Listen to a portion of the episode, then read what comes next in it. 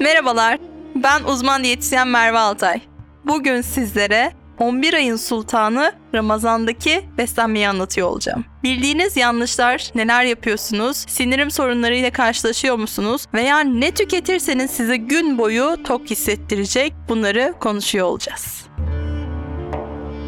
Özellikle Ramazan'da karşılaştığınız sinirim sorunlarının sebeplerini anlatıyor olacağım sizlere. Sahurda ve iftarda neler tüketirseniz gün boyu açlık ve susuzluk hissetmemiş olursunuz. Ramazanda tükettiğiniz sıvı miktarı azaldığı için iftardan sonra çok fazla tatlı ihtiyacınız olabiliyor.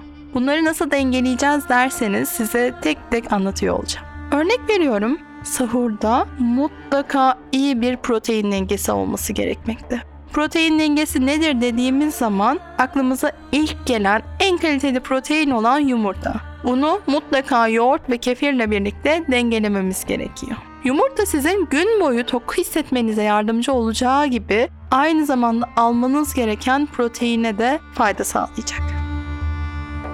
Yoğurt ve kefir tüketimi almanız gereken kalsiyum içeriğini arttıracağı için hem metabolizma hızınızı yükseltecek hem de ertesi gün daha az susamanıza yardımcı olacaktır. Bir de biz bu kefir ve yoğurdun içine ketan tohumu eklediğimiz zaman sindirim sorunlarına yakalanmamış olacağız. Yani örnek veriyorum karın ağrısı yaşayan biri olabiliyor, çok ciddi mide krampları geçiren veya kabızlık yaşayan kişiler olabiliyor. Bunların en büyük sebebi kötü sindirim. Kötü sindirime maruz kalmamak için yani kötü sindirim olmaması için mutlaka yoğurt ve kefir tüketmenizi istiyoruz ve bu yoğurt ve kefirin içine bir yemek kaşığı kadar keten tohumu koymanızı istiyoruz.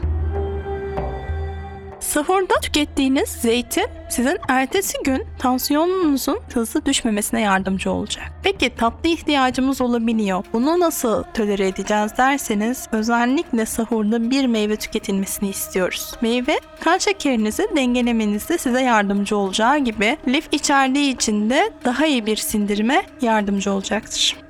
Özellikle iftar ve sahur arasında olabildiğince 2 litreye kadar bir su tüketilmesini istiyoruz. Siz ne kadar su içerseniz ertesi gün daha az yorgun ve halsiz uyanacaksınız. Peki ben sahurda şerbetli su tüketirsem veya kavurma yersem veya yemek yersem ne olur diyen sorulara duyar gibiyim salçalı, yağlı, fazla baharatlı bir şeyler tüketmek kötü bir sindirime sebep olacağı gibi mide yanması, kramplara sebep olabilecektir. Aynı zamanda ertesi gün size çok fazla susatacaktır. Daha fazla susuz kalmanız ve kan şekerinizin oynaması size gün içerisinde hem asabiyetine sebep olacak hem de yorgun hissettirecektir.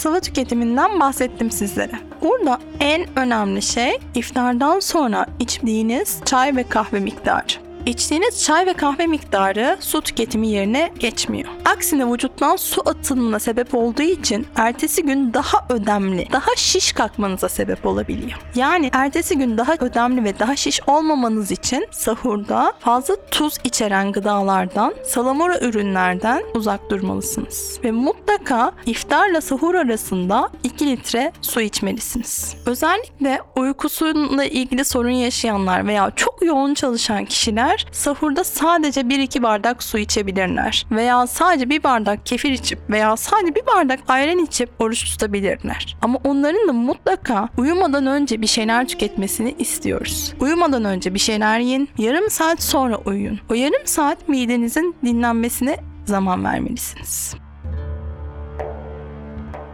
Gelelim iftar menüsüne. Özellikle gün boyu aç kaldınız, yorgunsunuz ve susadınız. Mutlaka bir bardak suyla orucunuzu açtıktan sonra hurma veya zeytin tartışması olabiliyor.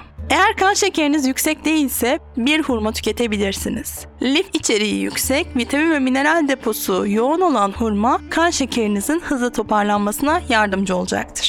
Ancak kronik bir rahatsızlığı olan veya kan şekeri yüksek olan kişilerin hurma tüketmesi maalesef kişiyi olumsuz yönde etkileyecek ve iftardan sonra baş ağrısına hatta uyku haline sebep olabilecektir. Onun için Kan şekeri yüksek olan kişilerin mutlaka iftarda sudan sonra zeytin tüketmesini istiyoruz. Sonrasında en iyi çorba sebze çorbası. Hem lif içeriği yüksek hem vitamin ve mineral deposu. Bunu et suyuyla çoğalttığımız zaman yani içine et veya kemik suyu eklediğimiz zaman besleyici özelliği artıyor olduğunu unutmayın. Çorbamızı içtik. 3-4 dakika bekledik. Bir nefes aldık. Ee, sonrasında yemeğe geçmelisiniz. Çünkü ağzınıza lokmayı koyduktan 15 dakika sonra ancak beyinde tokluk sinyalleri dolaşmaya başlıyor. Sizler ancak 15. dakikada tok hissetmeye başlıyorsunuz. Bu 15 dakikada ne kadar iyi çiğnerseniz o kadar iyi sindirime yardımcı olacaktır. Bununla birlikte sizler eğer o 15 dakikada ne yediğinizi bilmezseniz, hamurlu gıdalar tüketirseniz veya şekerli gıdalara yönlenirseniz de hızlıca kilo alımına sebep olacaktır. Çünkü iyi sindirilmemiş her türlü hamur ürünü sizin kilo artışınıza sebep olacak. Peki hamur dedik. En kıymetli soru Ramazan pidesi. Ramazan pidesi yemeyecek miyiz gibi sorular alır gibiyim. Ramazan pidesi tabii ki yiyeceğiz. Peki bunun ölçüsünün ne olduğunu bilmemiz en kıymetlisi. Özellikle Ramazan pidesini ne kadar tüketmemiz gerekiyor derseniz her kişi kendi avuç ölçüsü kadar Ramazan pidesi tüketmeli. Kadınlar bir birim yani bir avuç ölçüsü pide tüketebilirken erkekler iki avuç ölçüsü Ramazan pidesi tüketebilirler. Ancak kan şekeri yüksek olanlar, diyabet hastaları, böbrek hastaları, kalp hastaları maalesef pide tüketimine dikkat etmeliler. Çünkü pidenin beyaz undan üretildiği unutulmamalı.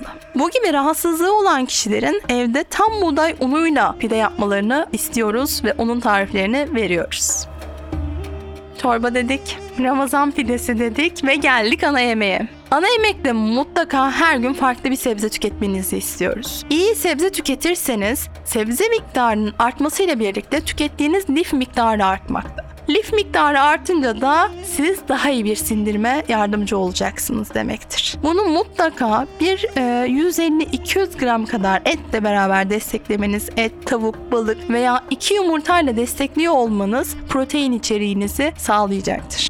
Ancak et tüketiminde dikkat etmeniz gereken en önemli noktalardan bir tanesi iyi baharat tüketimi. Baharat tüketirseniz sindirim konusunda size destek sağlayacaktır. Özellikle zerdeçal ve karabiber vücuttaki inflamasyonu azaltacak. Yani iltihap belirteçlerini azaltacağı için sizin bağırsak floranızı olumlu yönde etkileyecektir. Peki bakliyat hiç mi tüketmeyelim veya ne kadar miktar tüketelim diye sorular alır gibiyim. Özellikle mercimek, bulgur, nohut, fasulye gibi yağlı kaynakları mutlaka kimyonla pişirilmesini istiyoruz. Bunun yanında zerdeçal ve bol baharat konulması daha iyi sindirime yardımcı olacaktır. İçine salça ekleniyor olması maalesef sizi olumsuz yönde etkileyecektir ve bakliyat içeriğinin size olan faydasını yani özellikle B grubundan zengin olan bakliyat grubunun vücutta emilebilirliğini azaltacaktır. Yani emilebilirliği azaldığı zaman siz ondan fayda görmüyorsunuz demektir ve vücudunuzda sadece çöp besleniyor oluyorsunuz.